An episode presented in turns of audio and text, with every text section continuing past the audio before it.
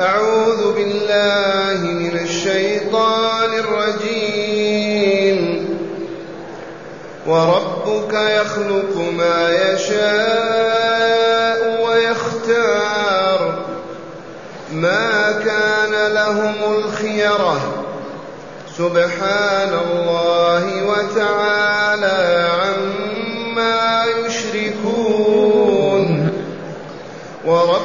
يعلم ما تكن صدورهم وما يعلنون. وهو الله لا إله إلا هو. له الحمد في الأولى والآخرة وله الحكم وإليه ترجعون.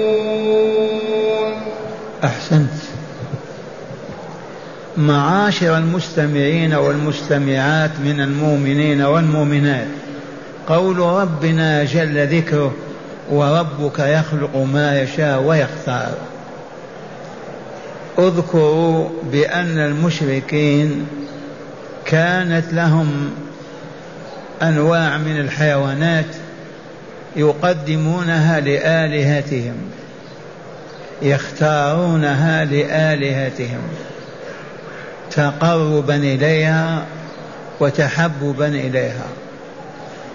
يختارون بعض الإبل أو الغنم أو كذا ويقدمونها لآلهتهم.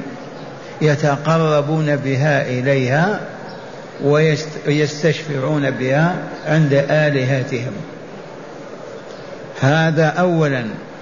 وثانيا قال الوليد بن المغيرة لما ما يختار الله لرسالته رجلا من مكة والطائف؟ الوليد بن المغيرة وعقبة بن مسعود. عقبة بن بن معيط في الطائف ومعنى هذا أنهم يختارون والخيارات ليست لهم. الخيار لله الخالق المدبر العليم الحكيم. قال تعالى عنهم من سورة الزخرف وقالوا لولا نزل هذا القرآن على رجل من القريتين عظيم أي مكة والطائف. اختيارهم. أبطل الله هذا الاختيار الباطل. فأنزل قوله وربك يخلق ما يشاء ويختار. أما غيره لا يختار. لماذا الذي لا يخلق كيف يختار؟ الذي يخلق ما يشاء هو الذي له الحق أن يختار. أما المخلوق المربوب المختار هو كيف يختار؟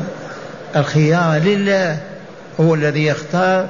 من يشاء من عباده يختارهم لولايته لنبوته لرسالته لفضله وإحسانه. أما هؤلاء المشركون أي حق لهم في الاختيار؟ فأبطل الله دعواهم وأكمم ألسنتهم بتلك الدعوة. فقال وربك يخلق ما يشاء وربك يا محمد صلى الله عليه وسلم يخلق ما يشاء من المخلوقات. الذي يشاء خلقه خلقه من سائر المخلوقات. لأنه فعال لما يريد يحكم ما يريد. ويختار ما شاء لولايته لنبوته لرسالته لفضل لإحسانه. أما غير الله ما كان لهم الخيار. ثم قال تعالى سبحان الله.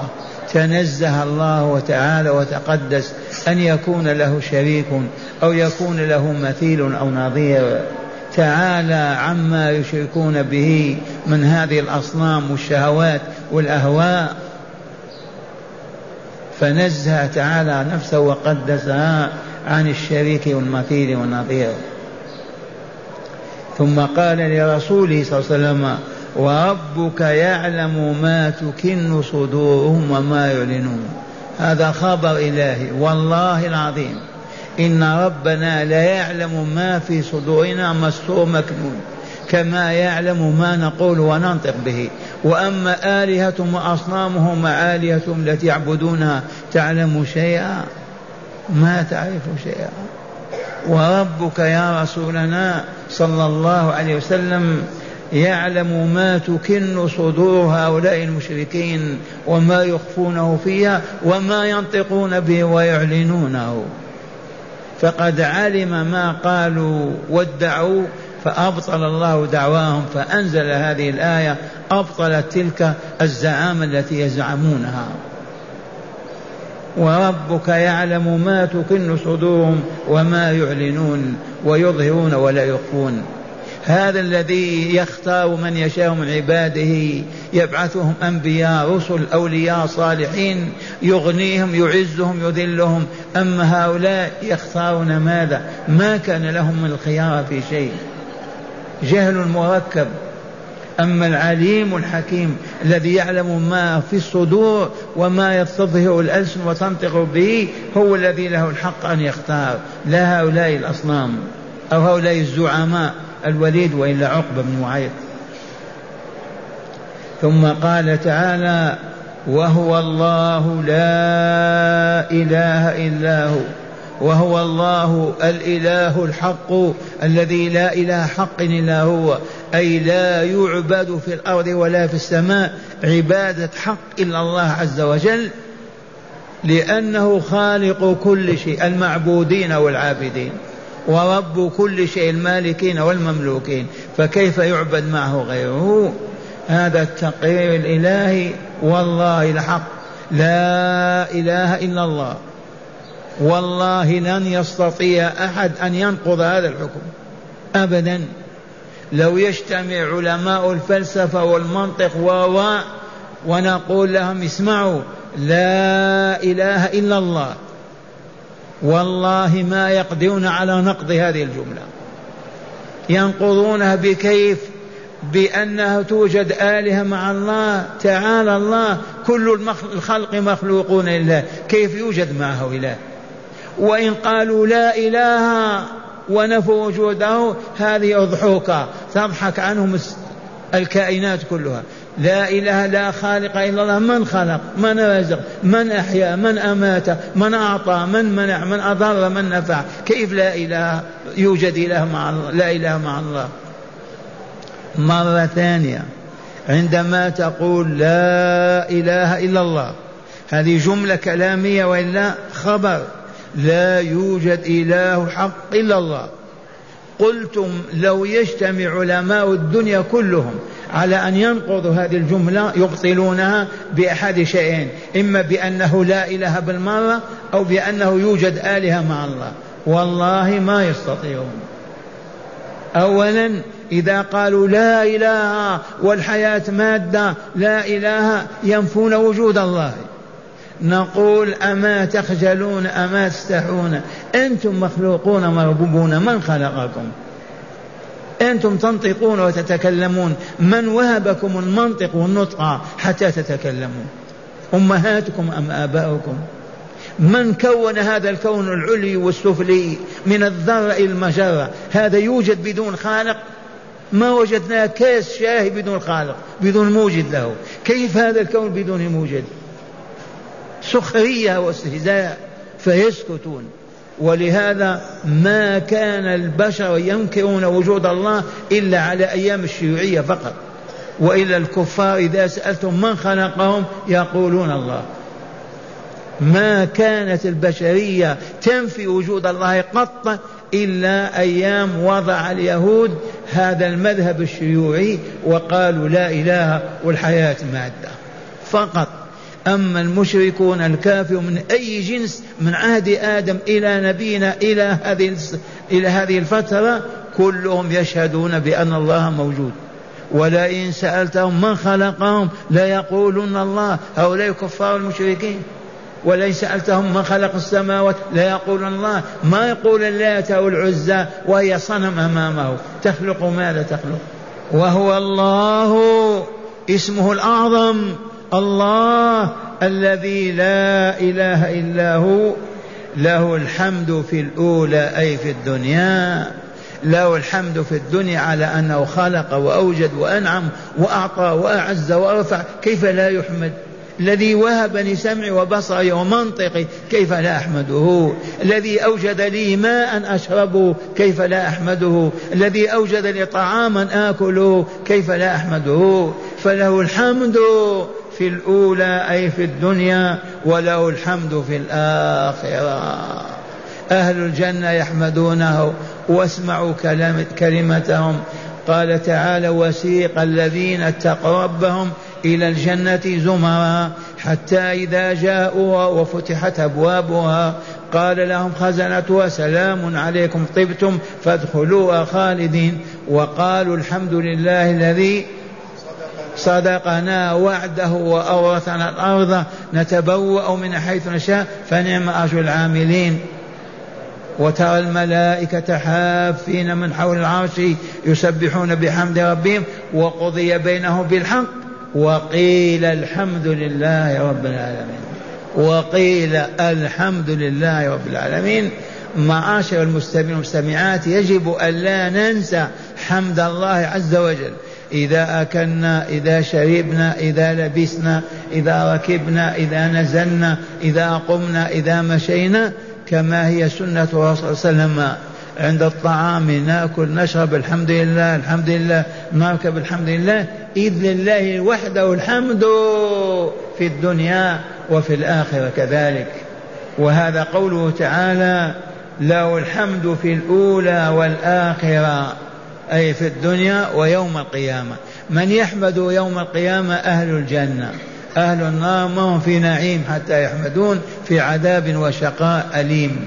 لكن أهل الجنة يحمدون الله عز وجل.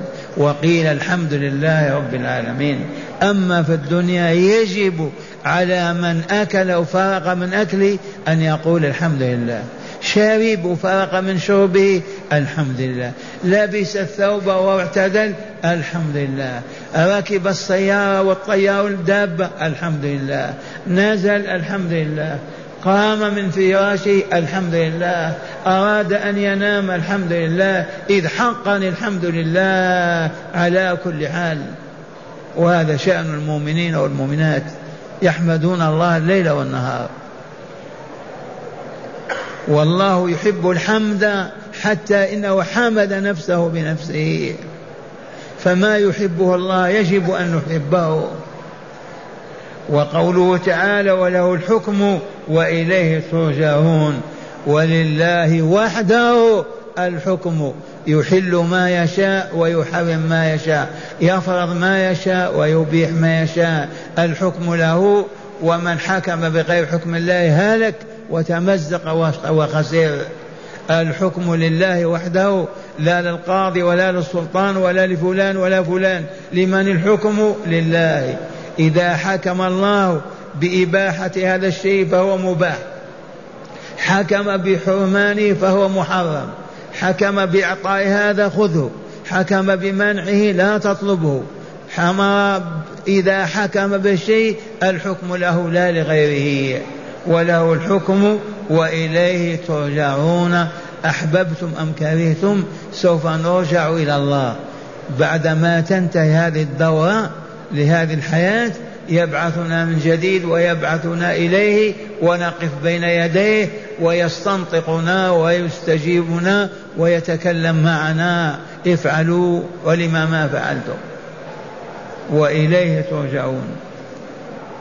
معاشر المستمعين ذكر القرطبي لطيفة علمية فيها بشرى لنا. قال في كتابه في تفسيره ذكر البزار حديثا مرفوعا بسند صحيح عن جابر بن عبد الله رضي الله عنه أنه قال قال رسول الله صلى الله عليه وسلم إن الله اختار إن الله اختار أصحابي على العالمين سوى النبيين والمرسلين. إن الله عز وجل يختار ما يشاء ولا لا. فاختار أصحابي على العالمين سوى النبيين والمرسلين. واختار لي من أصحاب أربعة هم أبو بكر وعمر وعثمان وعلي. فجعلهم أصحابي وفي أصحابي كلهم خير واختار أمتي على سائر الأمم واختار لي من من أمتي أربعة قرون القرن الذي كان فيه ثم الذي يليه ثم الذي يليه ثم الذي يليه خير القرون قرني ثم الذين يلون ثم الذين يلونهم. مرة ثانية. جابر بن عبد الله يقول قال رسول الله صلى الله عليه وسلم إن الله اختار أصحابي على العالمين أي فضلهم على العالمين سوى النبيين والمرسلين فهم دونهم. واختار لي من أصحابي أربعة من هؤلاء الأربعة؟ أبو بكر وعمر وعثمان وعلي. وفي أصحاب فجعلهم أصحابي. وفي أصحابي كلهم خير. في أصحاب الرسول كلهم خير. واختار أمتي على سائر الأمم وهي كذلك. واختار لي من أمتي أربعة قرون. بعد القرن الرابع هبطت الأمة. ما هي أهل لولاية الله عز وجل؟ إلا من شاء الله. والآن مع هداية الآيات. من هداية هذه الآيات أولا تقرير مبدأ ليس من حق العبد أن يختار إلا ما اختار الله له. تقرير مبدأ وهو ليس من حق الإنسان أن يختار ولكن الاختيار لله. فالذي اختاره الله لك هو الذي تقبله وتفعله وترضاه. والذي ما اختاره الله لك ورفضه يجب أن ترفضه ولا تأخذه. ما قال ما كان لهم الخيار الله يختار ما يشاء ولا لا. فنحن ما اختاره الله لنا قبلناه ورضينا به. ما أحله فهو الحلال وما حرمه فهو الحرام. ما أمر به فهو الواجب ومنع عنه فهو المكروه المحرم.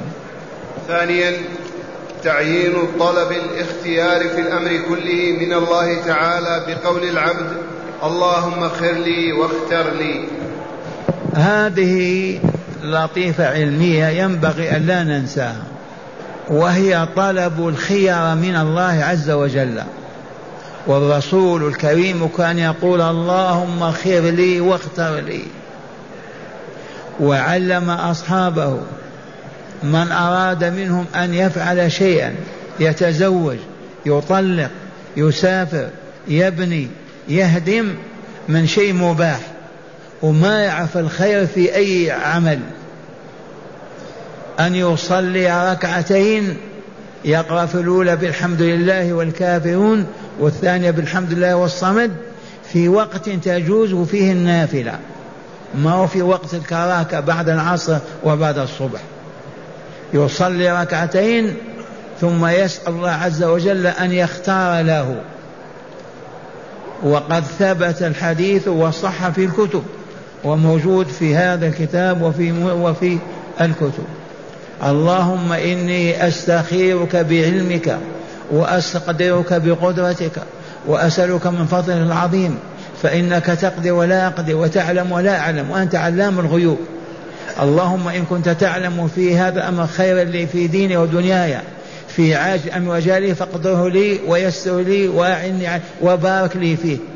وإن كنت تعلم أنه لا خير لي فيه لا في ديني ولا في دنياي لا في عاجل الأمر ولا أجل فاصرف عني واصرف عنه واقدر الخير حيث كان ثم رضني به ثم يذكر حاجته.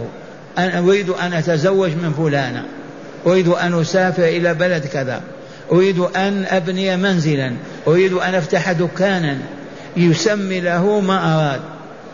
وكان يقول لأنس استخر سبع مرات. يحض أصحابه على أن يطلبوا الخير من الله سبع مرات. ومن استطاع أن يطلبها شهرا كاملا. وقد طلبناها أكثر من شهرين في مسائل من مسائل. عرفتم هذه الخيارة؟ لمن الخيار؟ لله وإلا لا. من نطلبها؟ من الله. الرسول الكريم يقول اللهم خير لي واختر لي. فإنك تعلم ولا أعلم. نحن ما نعلم ما يحدث غدا وما يجيء به الغد. هو الله عز وجل, عز وجل يعلم. فلهذا نصلي ركعتين ثم نطلب منه أن يختار لنا الذي فيه خير. الذي عزمنا على فعله أو تركه. ثالثا تأكيد سنة الاستخارة. تنفيذ سنة الاستخارة. هذه سنة معروفة بين المسلمين. لا يجهلها إلا الجهال. اقرأ نعم. قال وهي إذا هم العبد بالأمر يصلي ركعتين في وقت لا تكره فيه صلاة النافلة ثم يدعو بدعاء الاستخارة كما ورد في الصحيح وهو اللهم إني أستخيرك بعلمك وأستقدرك بقدرتك وأسألك من فضلك العظيم فإنك تقدر ولا أقدر وتعلم ولا أعلم وأنت علام الغيوب. اللهم إن كنت تعلم أن هذا الأمر خير لي في ديني ودنياي وفي عاجل أمري وآجله فاقدره لي ويسره لي ثم بارك لي فيه. اللهم إن كنت تعلم أن هذا الأمر شر لي في ديني ودنياي وفي عاجل أمري وآجله فاصرفه عني واصرفني عنه واقدر لي الخير حيث كان ثم ردني به. ويسمي حاجته التي هم بها. ويسمي حاجته التي أراد أن يفعلها. نعم. من سفر أو زواج أو بناء أو تجارة أو غرس. رابعا تقرير التوحيد وإبطال التنديد. تقرير التوحيد وإبطال التنديد. التنديد لا إله إلا الله محمد رسول الله والدار الآخرة حق. نعم. خامسا وجوب حمد الله وشكره على كل حال وذلك لتجدد النعمة في كل آن. وجوب شكر الله على كل نعمة بل في كل حال. ما في ساعة إلا ونحن في نعمة من الله. فلذا ما نفرق كلمة الحمد لله. كيف حالكم؟ الحمد لله. دائما الحمد لله على ألسنتنا. ولهذا وصفنا للأمم السابقة بأننا أمة الحمد. في التوراة والإنجيل أمة الحمد من هي؟ نحن. الذين كل ما تسألني كيف حالك؟ الحمد لله. ما يفارق الحمد ألسنتنا أبدا. لا يخفى عليكم أن العالم شرقا وغربا ما فيه إلا أنتم أيها المسلمون. ومن عداكم فوالله مشركون كافرون. ما قرئ عليهم هذا الكتاب ولا عرفوه ولا آمنوا به. إنهم بلايين. كلهم إلى عالم الشقاء. إلى دار الخلد والوبال والبرار جهنم والعياذ بالله. وهم يأكلون ويشربون وينكحون ويطيرون في السماء. ومصيرهم والله للخلد في عذاب الله. الحمد لله. الحمد لله على نعمة الإسلام.